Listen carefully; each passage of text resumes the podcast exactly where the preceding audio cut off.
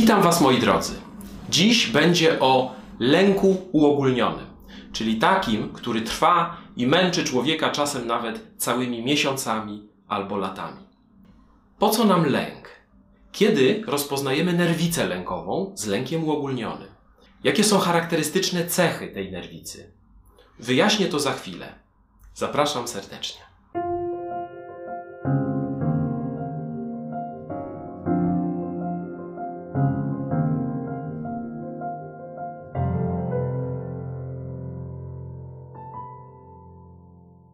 Gdy odczuwamy lęk, to znaczy, że dzieje się coś, co wymaga naszej czujności lub reakcji, przykład ucieczki czy ataku. Bez lęku człowiek jako gatunek wyginąłby, ponieważ gdzieś po drodze zeżarłby go jakiś lew albo inne dzikie zwierzę. Ale nie daliśmy się. Między innymi dzięki temu, że nasz mózg jest czujny i generuje w sytuacjach zagrożenia lęk. A co, jeśli lęku jest za dużo? Albo lęk pojawia się w sytuacji, gdy nie ma realnego zagrożenia. A no właśnie, wtedy mówimy o zaburzeniu lękowym, albo inaczej o nerwicy lękowej. Jakie są objawy zaburzenia lęku uogólnionego? Zaburzenie lęku uogólnionego nazywamy również GAD-em. Z języka angielskiego Generalized Anxiety Disorder. Osiowy objaw tej nerwicy to zamartwianie się. Po polsku słowo zamartwianie brzmi trochę koślawo w kontekście medycznym. Po angielsku używa się słowa worries.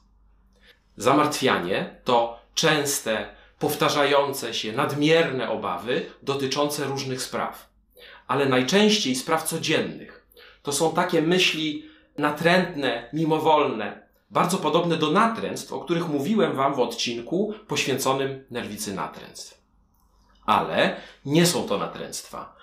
Różnica jest taka, że natręctwa mają charakter myśli niezgodnych ze swoim ja. Taki najbardziej jaskrawy przykład natręctwa to absurdalna, natrętna myśl. Jak nie będę mieszać herbaty w odpowiedni sposób, to coś złego się stanie. Natomiast zamartwianie odwrotnie.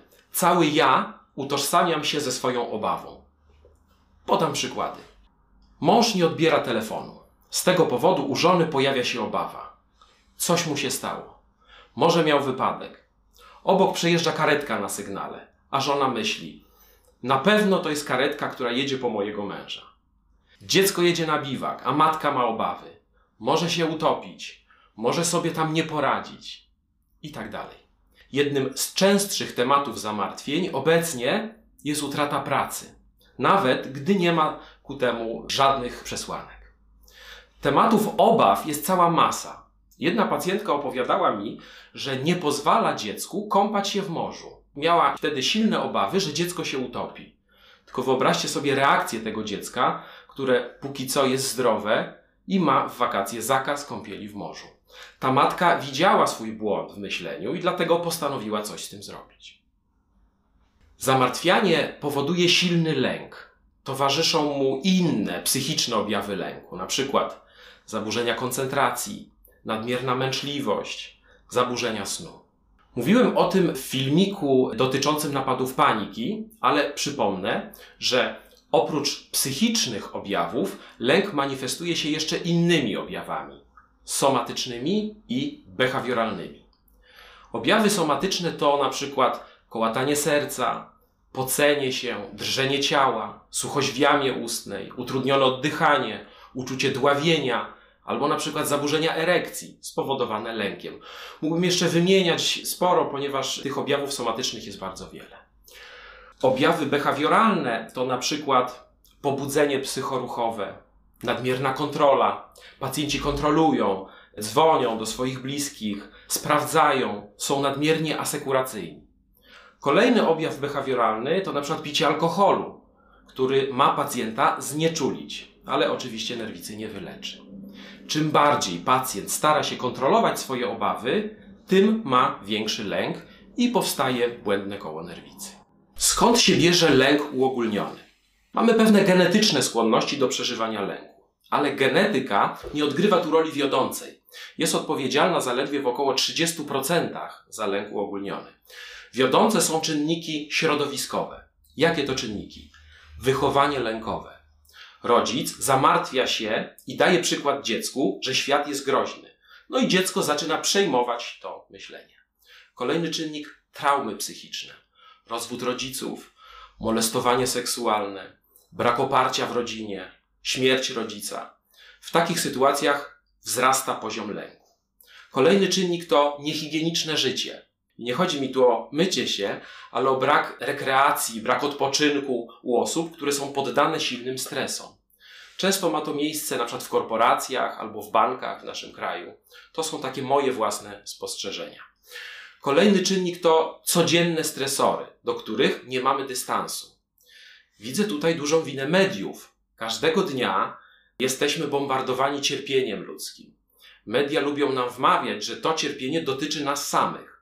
Lęk i cierpienie dobrze się w mediach sprzedają, ale mózg czasem nie jest w stanie tego wszystkiego ogarnąć. Chcę Wam też powiedzieć o jednym istotnym mechanizmie lęku, który wychodzi podczas pracy z pacjentem. Czasem lęk i obawy lękowe mogą być wierzchołkiem góry lodowej, skrywającym jeszcze trudniejsze dla pacjenta treści. Zaraz to wyjaśnię. W niektórych przypadkach podczas pracy z pacjentem dochodzi się do głębszych, takich podświadomych treści pacjenta. I co się okazuje? Że na przykład taka osoba ma bardzo niską samoocenę. Ma następujące myśli: Jestem do niczego. Nie poradzę sobie sam czy sama. Takie treści powodują jeszcze większe cierpienie niż lęk i martwienie się. Zatem podświadomość przekształca trudniejszą wersję. Nie poradzę sobie w życiu sam czy sama w nieco łatwiejszą. Muszę mieć cię przy sobie, bo się o ciebie martwię. I w takim wypadku lęk jest na wierzchu, a pod spodem może być niska samoocena. Gdy się do tych treści dotrze, to łatwiej jest nad nimi pracować i je modyfikować. Jak funkcjonują osoby z lękiem uogólnionym? Oprócz tego, że przeżywają bardzo silny lęk, są bardzo kontrolujący, są zawsze czujni. Z czasem ta kontrola i czujność prowadzą do wyczerpania.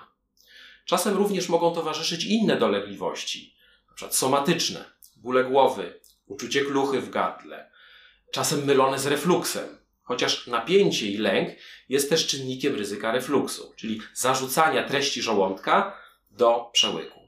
Inne choroby współistniejące, np. zespół jelita drażliwego czy nadciśnienie tętnicze itd. Tak ja obserwuję często u swoich pacjentów z lękiem uogólnionym dyskopatię, czyli wypadnięcie krążka międzykręgowego, najczęściej w odcinku lędźwiowym. Wiąże się to ze wzmożonym napięciem mięśni grzbietu mięśnie te gorzej wtedy pełnią swoją rolę podporową i w sytuacji nagłego jakiegoś mechanicznego wysiłku, na przykład pacjent coś dźwignie, wyskakuje dysk. Istotnym powikłaniem lęku uogólnionego jest depresja. 50% pacjentów z lękiem uogólnionym choruje na depresję. Osiowym objawem lęku uogólnionego jest zamartwianie. Dotyczy ono zwykłych, codziennych spraw mogą towarzyszyć temu inne objawy, zarówno somatyczne, jak i behawioralne, gdyż pamiętajmy, lęk jest emocją ogólnoustrojową, a nie tylko ograniczoną do psychiki.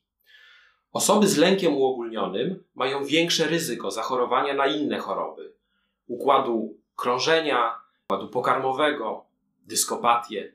50% pacjentów choruje też na depresję. Lęk uogólniony leczy się nieco trudniej niż lęk paniczny, ale leczyć go można. A o leczeniu opowiem w następnym odcinku.